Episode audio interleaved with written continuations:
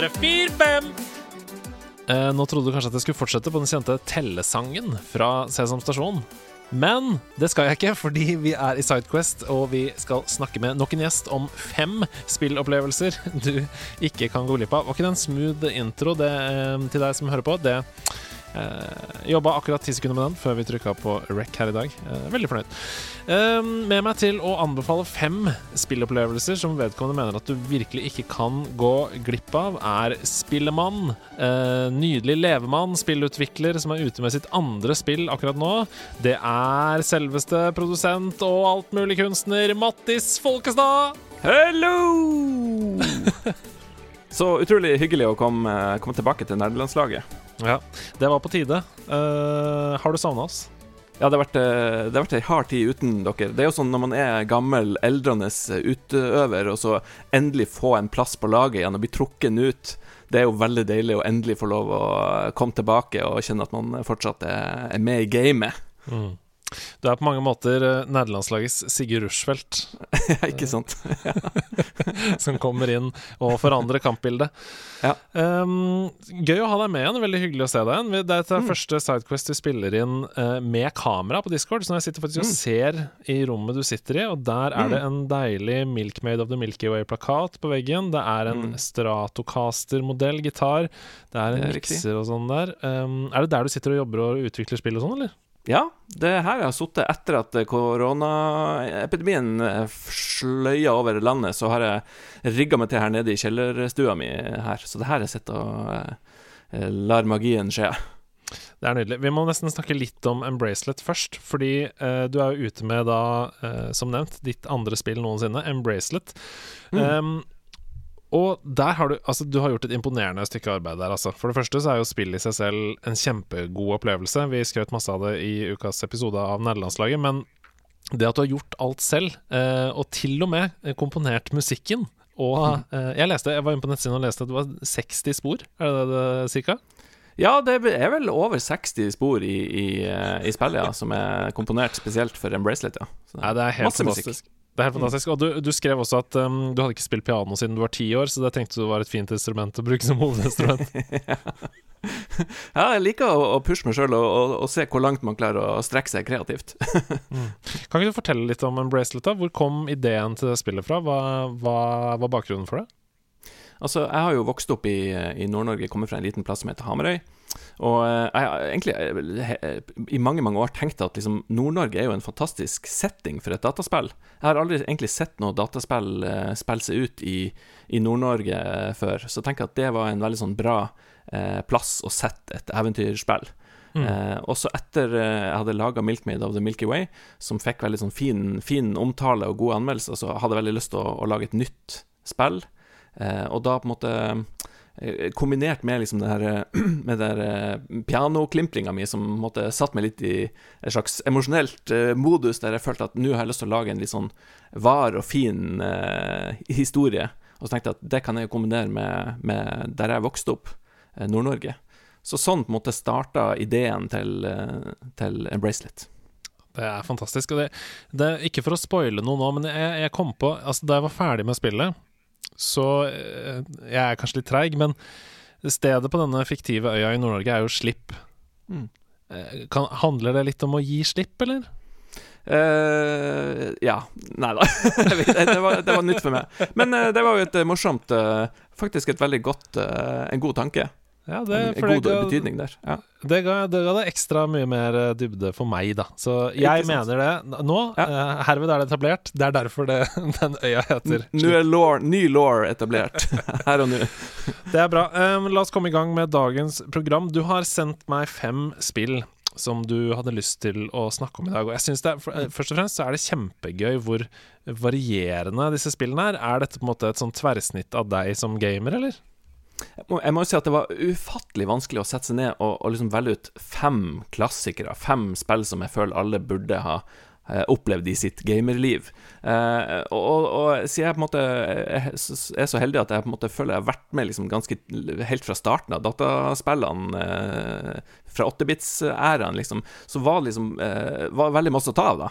Men Mm. jeg tenkte jeg skulle prøve å finne fem spill som jeg eh, føler har hatt betydning både for meg personlig, men også betydning for eh, spillmediet. Og på en måte litt variasjon i sjanger og i på en måte uttrykk og i, eh, gameplay. Så eh, det er en eh, stor, en fin miks, håper jeg. Fantastisk. Vi bare fyrer i gang med det aller første spillet du har på lista di. Det er et uh, fotballspill som jeg faktisk ikke hadde hørt om før du sendte meg det. Det er Ruud Gullit som er på coveret, og det heter så mye som Sensible Soccer.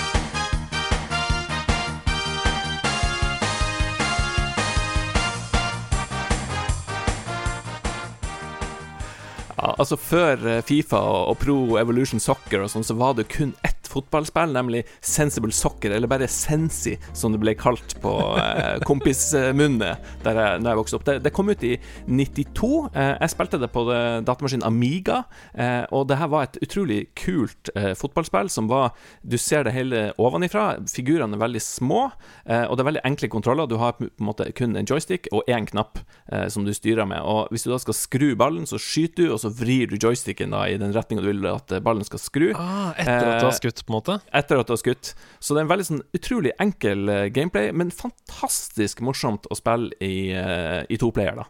Ja, Eh, det, så, ja. Føles det som mer sånn Altså, fotballspill var jo ikke så veldig simulerende før. Det var jo Du kunne løpe fra dommeren for å unngå gult kort og sånn, husker jeg, på, på, på Snes. Men føles det mer arcady, eller er det Ja. liksom som å spille er fotball? Det er definitivt eh, veldig arkadepreg på det, og veldig sånn morsomt og lett og gøy. Og selv om du måtte, er jo ikke noe spesielt fotballinteressert, og, og mine kompiser heller var egentlig aldri noe fotballinteressert, men akkurat Sensible Soccer, eller Sensi, det fant vi eh, Fant vi liksom sammen. Og det var liksom et spill som gjerne man eh, tok altfor mange runder på på kveldstid når jeg gikk på, på videregående. Og så er det liksom Det har en sånn Det er et britisk fotballspill. Det har liksom litt sånn tøysete musikk. Det er liksom tøysete grafikk, og du kan liksom ta sklitaklinger, og du kan bli utvist, og det er, det er veldig sånn morsom eh, vri på fotball. Og eh, jeg syns det er bare et, et fantastisk morsomt spill, og det, det går an å spille det på diverse emulatorer. Det, det kom ut på Super Nintendo, det kom ut på Megadrive etter hvert, eh, på Amiga og på PC, så det, det finnes liksom mange versjoner. Så hvis du eh, leter litt rundt på nettet, så skal du kunne klare å finne en, eh, en versjon som eh, du kan få spilt den dag i dag. Ja, jeg sitter jo inne på mm, det store internettet her når vi snakker sammen nå, og jeg ser at det har kommet mange Sensible Soccer-spill. Mm. Det siste het Sensible World of Soccer, kom i 2007 til både Xbox Live Arcade da, og Windows Vista. Eh, det ser ut som den versjonen faktisk ble cancelled her, men, eh, altså kansellert. Men, eh, men det er det første du snakker om, ikke sant?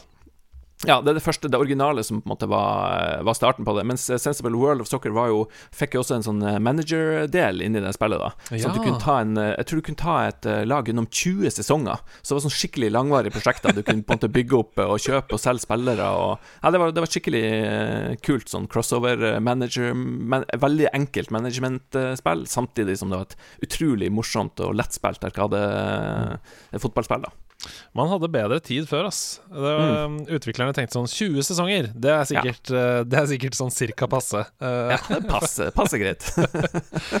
eh, men, men var det lisensiert? Altså Var det sånn at du kunne spille som Manchester United og Vålerenga, liksom? Eller var det bare lag 1 og 2?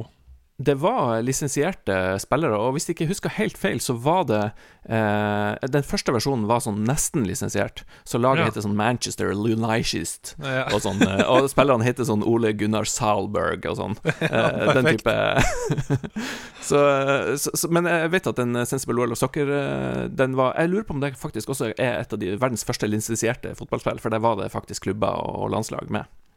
Ja, det er veldig, veldig gøy. Um, jeg ser, Det er jo litt sånn fun facts her.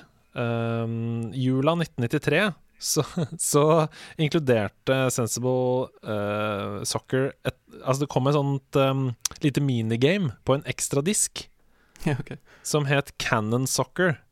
Uh, og det, det, det skulle være Det var to bonusleveler av et annet spill som Sensible Software ga ut som et Cannon Fodder. Ja. Um, bare at der, der Altså, i, i, på denne disken så uh, i, I Canfodder så er det liksom uh, soldater som fighter mot um, hverandre. Og i, i Sensible Soccer-versjonen så var det da fotballspillere som kom løpende mot dem. Sånn, som liksom skulle fighte horder i sånn snølandskap. Okay. Veldig gøy. Ja, nei, det, Sensible Soccer var veldig stor eh, britisk utvikler, og de hadde liksom en sånn sånn corny humorvri på det. De laga også eh, blant annet Ken Fodder og et eh, eh, litt sånn gudespill som het eh, Hva heter det? Det heter Megalomania, som Ja. også var veldig morsomt. eh, sånn top down, eh, enkelt sånn eh, Hva skal jeg si Sånn tidlig strategi Et strategispill som også var veldig, veldig morsomt. Veldig gøy. Det, ble veldig godt mottatt også. Computer Gaming World uh, skrev dette om det. In the debate over the best football action tactical game, there is no doubt that Sensible is in everyone's top three, no matter what format.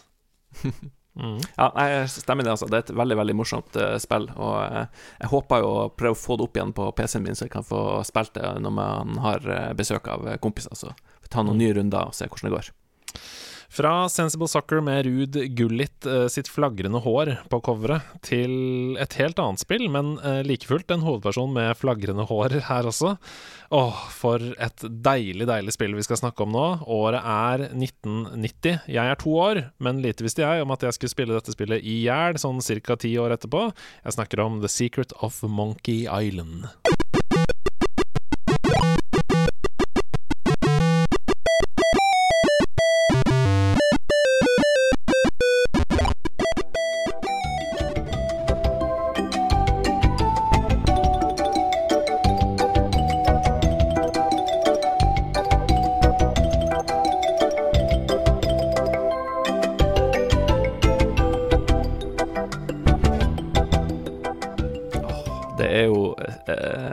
Kanskje verdens morsomste dataspill. Eh, et fantastisk eh, klassisk pek-og-klikk-eventyr om eh, unggutten Guybrush som ønsker å bli pirat, og drar da på da, Må da gå gjennom tre forskjellige prøver da for å, for å bli pirat. Og det er et utrolig morsomt eh, spill med, som, som måtte skilte seg litt fra de spillene som, som kom på den tida. For der var det veldig sånn Mange av de eventyrspillene var veldig vanskelige, og du kunne dø, og det var sånn mange, mange ting med de, spillene som jo var veldig vanskelige, da, og, Mm. og egentlig lite sånn eh, spillervennlig. Mens her var det et lett og lystig og morsomt eh, spill med gøye puzzles. Eh, fantastiske sverdkamper, der eh, sverdaction var bytta ut med slibrige og morsomme kommentarer der du eh, på en måte klarte å, å prate motstanderen, eh, motstanderen i senk istedenfor å bruke sverdet. da Mm. Så det var utrolig masse morsomt med, med The Secret of Monkey Island. Ja, det er jo et eh, pek og klikk-spill, klassisk pek og klikk-spill, og jeg er sikker på at det, åh, altså, det, det er nødt til å være så mange utviklere der ute som har hentet inspirasjon fra dette spillet. Det første jeg tenker på når du sier liksom at eh, det var sverdfight, men du kunne snakke motstanderne i senk, det er jo den lille indie-perlen Undertale, Mm. Uh, hvor på en måte hele gameplay-premisset handler om det. da At du trenger ikke å drepe motstanderne dine. Du kan gå gjennom Absolutt. hele spillet bare ved å snakke deg forbi alle, på en måte. Eh, og Jeg tror, det her, ja, jeg tror nok det her var veldig sånn viktig for, for spillmediet, sånn sett at uh, fra å gå fra at der game- game, uh, ofte var at eh, du skulle unngå å dø, det var ofte det som var på en måte hovedpoenget i nesten alle dataspill, fram til Mm. Monkey Island, nesten. Så var det plutselig et spill der det ikke handla om å, å unngå døden, men faktisk å, å prøve å, å løse oppgaver og, og få med det en veldig, veldig morsom historie som er skrevet av Ron Gilbert, Tim Shafer og Dave Grossman. mm, For en trio det er, da. Mm. Herlighet. De har jo um, Jeg vet ikke om det bare er Tim Shafer som jobber i Double Fine nå, eller om han har fått med seg Ron Gilbert videre. Jeg tror ikke Ron Gilbert og Tim Schafer har jobba nå lenger, men det er mulig at Dave Grossman har vært med inne i uh, Schafer-firmaet, tror jeg, en periode. Ja, skjønner. Nei, fordi eh, det andre eksempelet som jeg kom til å tenke på rundt pek og klikk, det er jo da selvfølgelig uh, en av mine, min barndoms store opplevelser, som er Den lengste reisen. Uh, Ja. Ragnar Tørnquist sitt uh, Funcom-eventyr.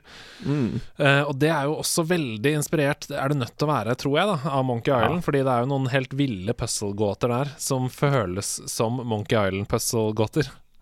ja, absolutt. Jeg har, jo, jeg har jo en liten fun fact om Den lengste reisen.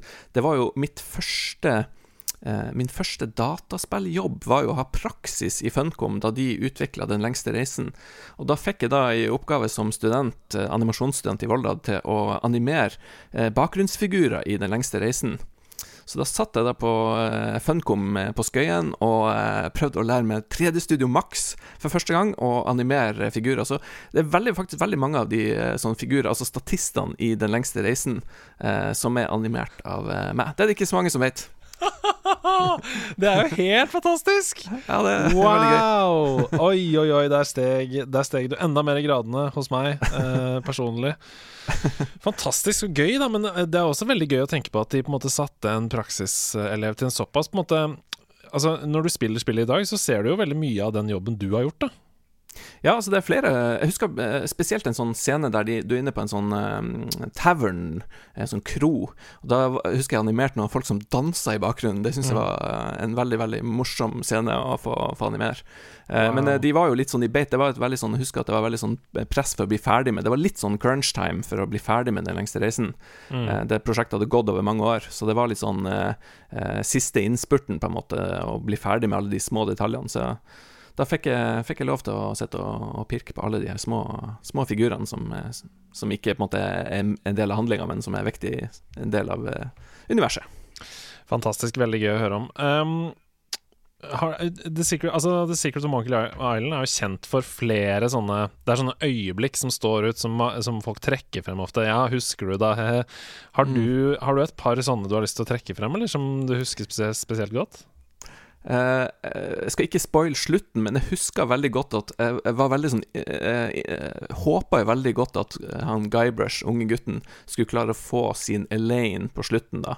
At Mm. det var liksom eh, Så, så den, den siste scenen, når de står sammen og snakker, det husker jeg som en sånn Det har brent seg fast i minnet, den fantastisk eh, Etter datiden fantastisk vakre eh, grafikken og fyrverkeri i bakgrunnen. Det husker jeg som et eh, meget, meget sterkt spilløyeblikk. Mm. Jeg husker um, veldig godt uh, En av de første oppgavene du må gjøre, er uh, involvere sånn grog. Ja. og, og, de, og de, det sitter sånn nesten sånn idolpanel med pirater inne på, inne på en sånn taverna, og så må du finne grog, da. Eller du må sette, Ja. sam, sette sammen en drikk som de på en måte eh, godkjenner som ekte grog. Eh, det husker jeg veldig godt. Det er utrolig morsomt der. Og Ja. Det som er gøy med Secret of Monkey Island, er at veldig ofte i sånn pek og klikk-spill så kan det føles som Eller ikke veldig ofte, det kan godt hende det bare er min personlige smak, men det kan føles som om en del av dialogoptionsene bare er sånn Uh, ja, OK, kom igjen, kom igjen. Nå må jeg bare klikke meg gjennom dette, liksom. Mm. Uh, men jeg føler at hvert eneste dialogoptions i uh, Secret of Monkey Island er verdt å trykke på. Da. Absolutt. Eh, Det er veldig veldig gøy, eh, gøy dialog og, og veldig masse morsomme eh, små detaljer i, i det spillet. Jeg har også lest at, at uh, Tim Shafer og Dave Grosson, som har ganske forskjellig humor, på en måte fikk uh, ansvaret for forskjellige deler av å skrive uh, forskjellige karakterer og forskjellige deler av spillet. da Og at masse av Det var et veldig lite team som laga det her spillet, og at de fant på veldig masse av dialogen i farta. Sånn som man gjerne sett når man sitter på sene kveldstimer og, og cruncher litt for å bli ferdig med, med spillet sitt. Kjenner du deg igjen i det, eller? Ja, det masse, masse gøy som dukker opp eh, sånn eh, siste timen før du egentlig burde ha lagt deg. Det er gøy. Det skal jeg tenke på neste gang jeg spiller Embracelet eller uh, Milkmade of the Milky Way. Skal jeg tenke hmm, hvem, Hvilke av disse de, uh, replikkene var det som kom klokka fire på natta? Eh. ok, vi hopper videre til et helt annet spill som jeg heller aldri hadde hørt om, men som jeg føler at um, jeg egentlig hadde likt veldig godt å prøve, fordi det står her beskrevet som et cinematic platformer action adventure game. Med andre ord alle tingene jeg er glad i. Jeg snakker om Another World, eller Out of This World, som det het i Nord-Amerika.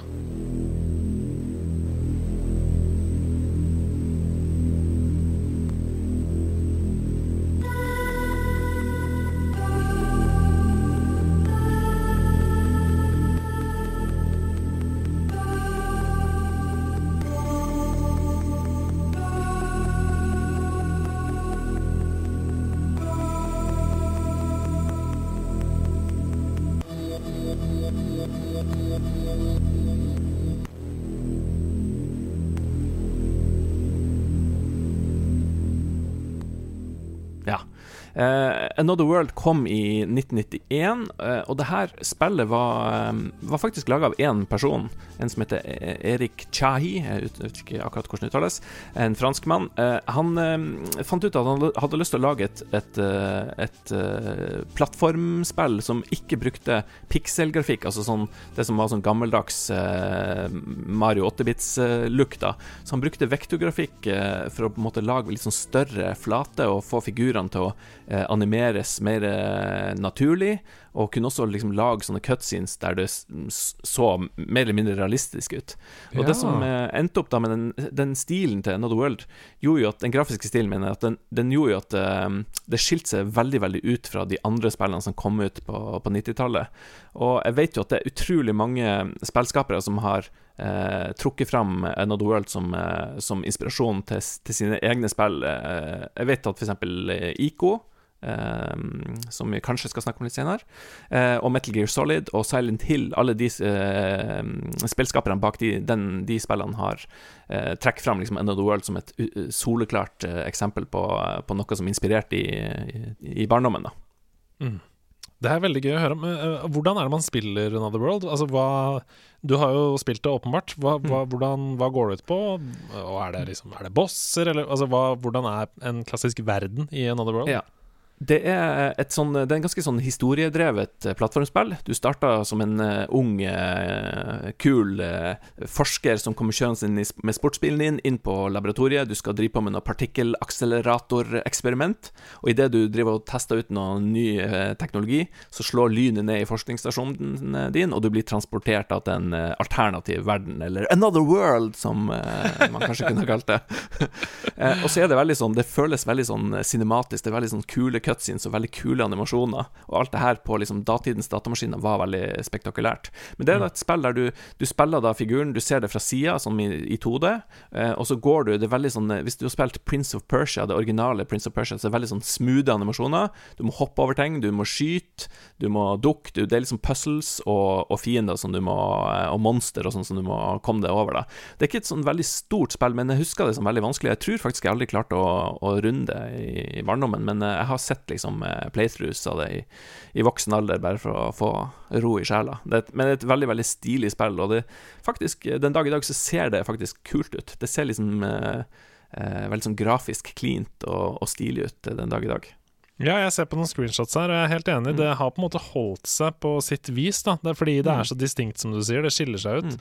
Um, det kom da til Amiga og Atari i 1991, men det er jo blitt porta til det som er av, uh, av ulike plattformer.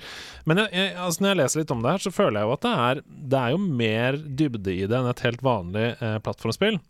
For mm. eksempel så står det at uh, spilleren får tilgang til en laserpistol uh, litt senere ut i spillet, hvor du har tre ulike muligheter med den laserpistolen. Du kan enten skyte mm. helt vanlig, eller så kan du lage sånne force fields som mm. fungerer som skjold da, mot uh, ild fra fienden.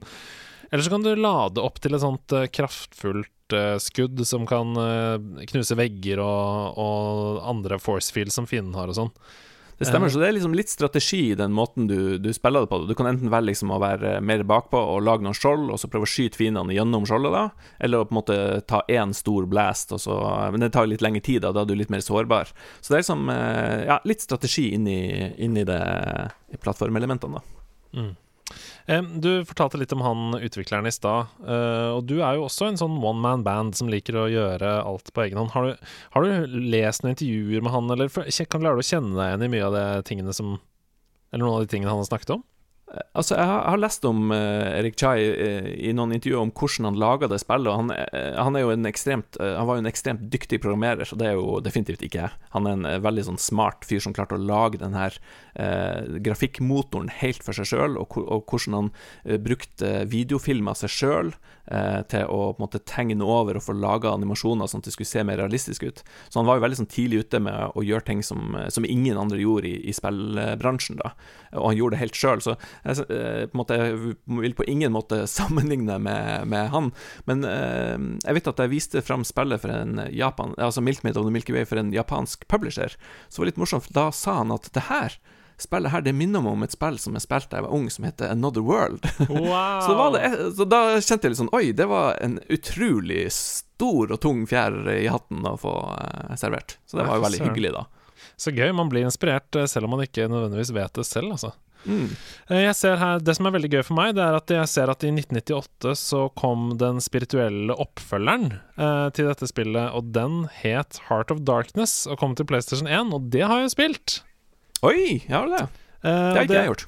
Nei, og det var Amazing Studio, da, med Erik Chahi som både regissør og som designer. Um, Som er akkurat sånn som vi snakker om nå. Det er et plattformspill med liksom eh, cutscenes og ja, et cinematisk eh, plattformspill. da Mm. Eh, og det likte jeg jo kjempegodt. Det var flere De som hadde PlayStation, hadde gjerne det. Eh, Heart of Darkness. Ja, så gøy. Ok, da lærte jeg noe nytt i dag òg. Ja, jeg òg. Fra eh, plattformspill som er kjempevanskelig, til kanskje Jeg vet ikke om den originale utgaven var så zen som det jeg forbinder med eh, nåtidens utgave, men i hvert fall eh, det jeg kaller eh, Microsoft Zen Simulator. Microsoft Flight Simulator.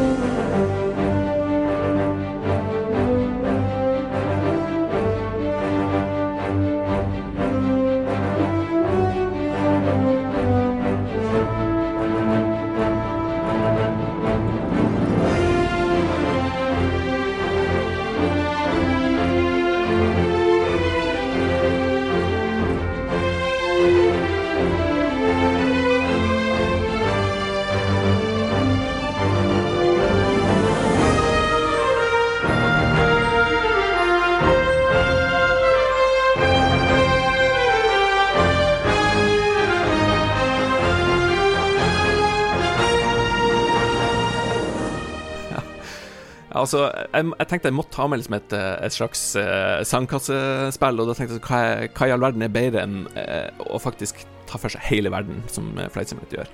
Det er utrolig uh, Det er et utrolig hardcore spill. Det starta i hvert fall som, som Jeg husker jeg så Um, første gang jeg så eh, Microsoft Flight Simulator, var jeg på besøk hos noen som hadde en sånn 8-bits datamaskin av et eller annet slag. Og han drev og spilte, det var en liten gutt som spilte da en, en av de første versjonene av Flight Simulator. Og det så jo helt grusomt ut. Det var jo Det var jo mer en cockpit-simulator enn en flysimulator, for det var jo Mm. ikke noe grafikk å skryte av, og det var veldig tregt, og, og det så veldig kjedelig ut. Jeg ser Men, et bilde her eh, nå. Det er liksom bare en ja. grønn rullebane, og resten er blått. Ja, uh, ja. Veldig lite spennende, da. Men jeg husker da jeg eh, fikk min første PC sånn på midten av 90-tallet. Eh, min Pentium 100, var det vel. Eh, og da jeg husker jeg gikk til innkjøp av eh, Flight Simulator 98. eh, Som eh, jeg husker var fantastisk eh, kult, da. Mm. Eh, Og det var da det som starta min eh, reise opp i skyene med, med Flight Simulator. For jeg har vel egentlig spilt alle, alle versjonene etter Flight Simulator, Fl- Flight Simulator 98. Ja, så nå, Det vi snakker om nå, bare for å klargjøre det, da. Vi snakker om serien, på en måte, som Mm. Ja, Mm. eh, vi gjør det. For jeg tenkte at det var liksom eh, litt gøy, å, for det, den har hatt en sånn uh, rivende utvikling da, fra å være som sagt en sånn nerdesimulator til å bli en utrolig kul opplevelse som alle med en, en Xbox-kontroller kan, kan sette pris på. Ja, Jeg syns det, er noe helt- det er noe helt magisk med den nyeste versjonen av Flight Simulator, som uh, både ser så fantastisk ut, og som har hele verden, uh, og som gir så mange muligheter til å oppleve og se hele planeten fra, fra, et annet, sy- fra en annen synsvinkel. Ja, fordi dette er veldig interessant for meg, fordi du har da spilt alle, sannsynligvis alle spillene fra eh, Flight Sim 98. Jeg har bare jeg hadde ikke noe gaming-PC da jeg vokste opp, men jeg har spilt litt hos noen venner og sånn. Og så Mm. har jeg eh, brukt det litt som jeg bruker American Truck Simulator. Altså jeg bruker Mm. det for å bare slappe av, for å liksom Når jeg har lyst til å spille noe, men jeg har ikke lyst til å Jeg har ikke lyst til å investere masse hjernekapasitet. Jeg har bare lyst til å Ja. kose meg og, og fly litt. Men, men hva er det, for deg som har spilt alle spillene ordentlig mye, liksom, hva er det som er så magisk med Flight Sim? Altså, det, det tenker jeg at det er liksom den ultimate sandkassen som jeg snakker om. Det at du kan eh, fly hvor du vil, eh, og, og i mange forskjellige typer fly. Du kan måte lage din egen vanskelighetsgrad. Du kan eh, sette opp eh, en eh, høststorm på Vestlandet og prøve å lande en eh, en Twin Otter med litt for lite bensin, så du vet at du må klare å lande på den lille flyplassen i Førde. Eller så kan du lage en, bare en smooth uh, Ta et, en smooth flytur liksom uh, over uh, Atlanteren, liksom, i en jumbojet, og bare sitte og slappe av og se på skyene, liksom. Jeg, jeg syns den variasjonen som, som Flight Simulator har Men også syns også det er veldig fascinerende at Altså, jeg syns også simuleringsaspektet med Flight Simulator er veldig, veldig gøy, da. Så um, jeg syns det er veldig gøy å kunne prøve å lære seg å, å fly et fly. Og jeg husker for mange år siden så så tok jeg en, eh, en prøvetime på seilflyging på, i Hokksund. Eh, og da fikk jeg lov å fly eh, prøve litt sjøl og, og fly det her flyet sjøl. Og da kjente jeg jo også at alt som jeg hadde flydd i Flight Simulator, stemte overens med virkeligheten. Mm. For det var helt uproblematisk for meg å kontrollere det her flyet og holde høyde og fart og vinkler. Og, så det var, det var, veldig kult å se at det som jeg hadde sittet og fikla med i i ungdomstida faktisk var veldig sånn realistisk, da. Er ikke det der en helt uh, sinnssyk opplevelse? Jeg, altså, det, uh, jeg, jeg, har en sammenlignbar opplevelse, for da jeg tok min første kjøretime på bil, så hadde jeg spilt enorme mengder med Gran Turismo. Uh, og Gran Turismo er jo ikke et bilspill, det er jo en simulator, og det prøver jo å simulere hvordan det er å kjøre en bil, med akkurat hvordan fysikken fungerer, og feedback i underlag og sånn, og ulike underlag og sånn. Mm. Så da jeg satte meg i kjøretimen, uh, så sa jo nettopp um, Vi snakka litt om det at jeg hadde spilt en del bilsimulator og sånn. Da sa jo uh, kjørelæreren det at det, det, ser jeg jo, eller jeg merker jo det, at du har spilt mye, mye bilsimulator. Ja, ja. Og det var helt sånn det, Når du visker ut grensene mellom spill og virkelighet, liksom, plutselig så er det sånn ja. Wow, jeg har faktisk lært noe, eller fått noe ut av de timene. Ja, det er veldig, veldig gøy. Ja, men jeg, jeg syns det er interessant at du ser på det som et, det ultimate sandkassespillet. Fordi når jeg tenker på sandkassespill, så tenker jeg liksom på du vet uh, Minecraft eller GTA, eksempel. Mm. Um, mm. Som gir deg frihet til å lage dine egne objectives. Men jeg har aldri tenkt på at Flight Sim selvfølgelig også er sånn. Mm. Um, du kan jo, som du sier, da, uh, du, lage dine egne missions, liksom. Så lenge du har fantasi ja. til det. Mm. Spennende. Ja, det er litt sånn, litt sånn, eh, blanding av rollespill og simulator. Jeg husker jo jeg og mine studiekompiser eh, da jeg studerte, da, da var det jo eh, høytidsstund å, å, sette seg ned framfor flight simulator, ha noen raske ferdigpizza i ovnen, og så prøve å fly nedover hele norskekysten og prøve å lande på absolutt alle flyplassene i Norge. Eh, med vekslende hell, men eh, pizzaen ble god og svidd. Men det var utrolig god eh, stemning og utrolig gode minner knytta til, til Flight Simulator og den gleden med å prøve å, å klare å fly nedover norsk, norskekysten i sånn dårlig høstvær. Ja, det høres utrolig hyggelig ut. Jeg må bare eh, sånn avslutningsvis så Det er jo så gøy med flight sim at man kan gjøre hva man vil ut av det. Du har jo sånn som eh, programleder og komiker Christian Ødegaard. Han har vel bygd en sånn flight eh, På en måte eh, Hva heter det? Pilot Der hvor piloten er. Hva heter en cockpit, det? En cockpit, kanskje. Han har bygd en slags cockpit eh, hjemme ja. og spiller masse flight sim. Uh, mens uh, f.eks. Rune Fjell Olsen, spilleanmelder i NRK og for Level Up, han uh, spiller det bare med en håndkontroll i sofaen og elsker det, liksom. Og, ja, og, og det er det samme spillet! Ja. Det syns jeg er magisk. ja. det er veldig, veldig, veldig kult. Uh, fra fra zen i skyene til en slags annen form for meditasjon, uh, på mange måter. Da dette spillet kom på PlayStation 2, så var allerede uh, hardcore-fansen ekstremt klare for det. Jeg visste ikke hva jeg gikk til i det hele tatt. Jeg hadde ikke hørt noe om spillet i forkant, og hadde heller ikke noe forhold til tidligere spill fra samme utvikler. Jeg snakker om Fumito Ueda sitt Shadow of the Colossus.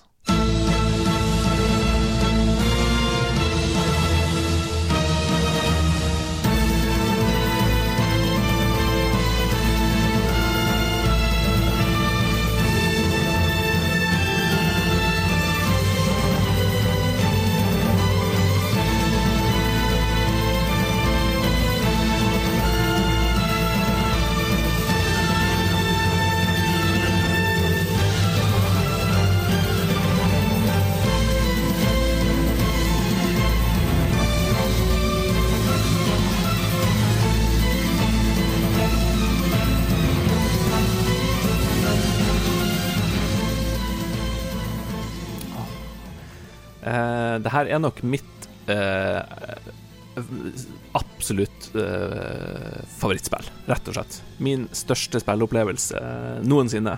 Jeg tror kanskje ingen, at ingen andre spill kan klare å ta meg med, på en sånn reise som, eh, som Shadow of the Colossus eh, gjorde. For det var et spektakulært spill på så utrolig uh, mange måter. Jeg, skal ikke spoile noe sånn plott, eller noe sånt, men du, liksom, du, blir jo dratt inn i en veldig sånn magisk verden som er den er skummel, den er rørende, den er forvirrende og veldig spennende. Og for, for meg så var det liksom det første spillet som snudde litt opp ned på den klassiske, klassiske liksom heltemodellen i, i spill. Altså, er du egentlig god, eller gjør du det rette, eller hvorfor gjør de de tingene i spillet som du gjør?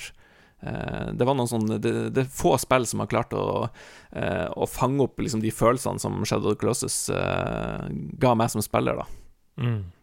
Ja, det, er, det, er, utrolig gøy å bare sitte og høre på deg snakke om dette spillet, fordi eh, Spillet handler jo om en gutt som heter eh, Eller en ung mann, kan du si, da, som heter Wander.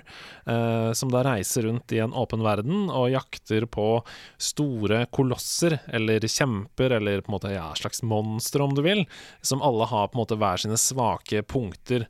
og din jobb er å finne dem og ta livet av disse kolossene, da. Ved å finne de svake punktene og bringe dem i kne, disse svære, episke monstrene. Um, og jeg husker akkurat den følelsen som du snakker om der. Uh, er jeg god, eller er jeg ikke god? Det var helt sånn um, mind-blowing for meg. Fordi uh, det, man, det, forholdet man hadde til sånne svære mastodonter i spill tidligere, kanskje fra Careen of Time f.eks., det var jo at det var jo bare ondt, liksom. Det var ikke noe mm. hadde, Du hadde jo aldri sympati eller empati med de eh, skapningene. Men det er et eller annet med designet. Det er noe med måten de beveger seg på. Eh, øynene.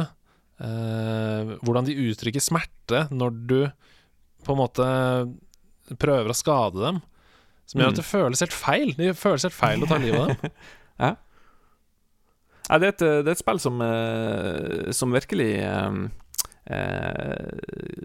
ja, borer seg inn i hjertet ditt og, og, og får deg til å tenke eh, Eller på måtte, måtte tvile litt på det, de, tingene, de valgene du tar som spiller. Og det, det er veldig kult. Eh, kult. Jeg, jeg, prøver liksom å tenke Er det andre spill sånn i, i, ettertid som har gjort så masse? det, Jeg føler ikke Det er ikke så vanlig at man tør å, å lage noe som, er, som skaper så masse måte, friksjon hos, eh, hos deg som spiller. Men eh, ja, det er et, et, et magisk eventyr. Det første eksempelet som jeg kommer på, det er faktisk veldig moderne tid, og det er jo The Last of Us Part 2. Um, mm. Som spiller på veldig mange av de samme følelsene. Og som du sier, det er jo helt uh, uvant for spillerne, og det førte jo også til enorm motstand og opprør mot spillutviklerne. Det at man ble tvunget da, til å føle på mm. disse tingene. Uh, mm. Og spesielt kanskje nå i 2020, hvor man blir mer og mer um, møtt med ja, du vet, Avengers. Uh, type fortellinger da, som vi vet at kommer til å gå bra til slutt. Alltid. Mm. Uh, mm. Hvor det er veldig sort-hvitt mellom hva som er ondt og godt, på en måte. Ja. Men OK, Shadow of the Crosses. Det kom jo da uh, etter ICO. Som ja. er samme spill Eller samme spill. Eh, et annet -hmm. spill av samme utvikler. Eh, hadde mm. du spilt ICO før du spilte Shadow Colossus? Nei, jeg, jeg, hadde ikke det, og jeg måtte jo spille det etterpå. Jeg har faktisk ikke spilt ferdig ICO heller. Jeg syns det var litt eh, vanskelig, og det var litt sånn klønete kontroller på det. Og, og eh, på en måte jeg syns det var liksom litt som å gå, gå, en liga ned etter å ha spilt Shadow Colossus, som, var, som jeg følte så veldig gjennomført. da mm. Men jeg vet jo at jeg har veldig sterke forbindelser, de to spillene der. Og, og han skaperen har på en måte sagt at det er ikke, alt er liksom ikke 100 eh, Hva skal jeg si det, Noen av de sammenhengene må på en måte spilleren sjøl eh, trekke, da. Men det er definitivt to universer som henger sammen da, med, på forskjellige måter. Mm. Kan du si litt om liksom eh, Fordi det, akkurat det kontrollsystemet som du var inne på der, har jo vært kritikk, en, litt kritikk mot uh, Shadow of the Colossus-spillet. Mm. Hva er det som gjør Altså, um, det er en helt distinkt måte å klatre, f.eks., på disse monstrene. Kan du snakke litt om det? Ja, nå er det begynner å bli Altså, jeg har ikke spilt det siden 2006, så det begynner å bli veldig lenge siden. Så jeg husker faktisk ikke så masse av, eh, av liksom spillmekanikken, da. Men eh, det er jo sånn at du må holde det fast. De, har jo liksom, eh, de er jo liksom pelskledd eller har noe fjær eller sånn. Så det er jo sånn, du handler jo Det er på en måte et puzzle i seg sjøl, det å klatre opp på de her kolossene. Mm. Eh, så gjelder det liksom å holde seg fast. eh, og, eh, og det er jo en litt sånn tidlig fysikkmotor her, så det er jo litt sånn, eh, kan jo være litt sånn fysiske bugs også som, som oppstår, der du blir liksom slengt litt rundt på de her gigantiske monstrene. Mm. Eh, men målet er jo da å, å måtte klatre opp til gjerne til toppen, eller til et sånt, finne noen sånne svake punkter som, som de her kolossene har, og kjøre sverdet ditt eh, inn i det. Mm. Eh, og det er liksom sånn, ja, som du sier, det er liksom både både spennende, men også et eller annet som føles feil med hele, med hele den prosessen. I Sidequest eh, tidligere så har vi snakket om et bitte lite indiespill som heter Grow Home, som handler om den lille roboten uh, Bud, som også må klatre oppover en slags plantelignende skapning. Og det Der holder du deg på en måte Venstre arm er L2, høyre arm Mm. er R2, Uh, og venstre bein er L1, og høyre bein er L2. Så, eller omvendt, da. L1 og R1 og L2 og R2. Du skjønner. Eh, Så du må på en måte klatre én etter én arm og bein. Og det er litt sånn Shadow of the Crosses også føles. Ja. Eh, når du klatrer på disse skapningene, så må du på en måte holde tunga rett i munnen um, og gjøre ting riktig. Mm. Men ja, eh, utvilsomt et av de spillene som virkelig har forma spillhistorien. Jeg kan jo bare si litt om Det har jo kommet i remaster, så det er absolutt verdt å plukke opp og spille selv i 2020. um, Til alle dere som hører på. Eh, Shadow of the Colossus uh, har influert en rekke andre spill, f.eks. Uh, God of War, uh, Legend of Zelda Breath of the Wild. Um, og Guillermo del Toro, den kjente regissøren, har jo sagt at både Ico eh, og Shadow of the Colossus er masterpieces, og veldig stor del av hans eh, regissørarbeid er på en måte påvirket av de to spillene. Mm. Eh, og det er jo gøy og veldig gøy å høre, da. Absolutt. Nei, det er et eh, spill som, eh, som var, eh, var annerledes, og, og har, på en måte, har influert mange forskjellige kunstnerretninger, vil jeg tro. Du, en utrolig deilig liten palett av spill. Um, tusen takk for at du ville være med og fortelle om fem spill som du mener at folk bør oppleve. Mattis Folkstad. Bare stas. Det var kjempehyggelig å komme innom her. Ja. Gå ut og kjøp en bracelet, da, folkens. Det er tilgjengelig nå på Nintendo Switch. Og er det noen andre plattformer? Det finnes på Steam på, til Windows. Steam, Windows eller Nintendo Switch. En kjempedeilig perle. Eh, og så kan du lete, da, vet du, når du spiller en, bracelet, etter spor av Shadow Colossus, Another World. Eh, kanskje Sensible Soccer? Er det noe Sensible Soccer i, i en bracelet? Det er, faktisk et, det er faktisk et fotballmål eh, bak den ene gamle skolen der, så ja, det er kanskje det. Jeg må også bare si helt avslutningsvis at det knipsespillet, altså hvor du knipser med kronespillet Jeg brukte uforholdsmessig mye tid på det kronespillet i, en bracelet. Tusen takk for at du var med. Vi snakkes igjen neste uke. Ha det godt. Ha det!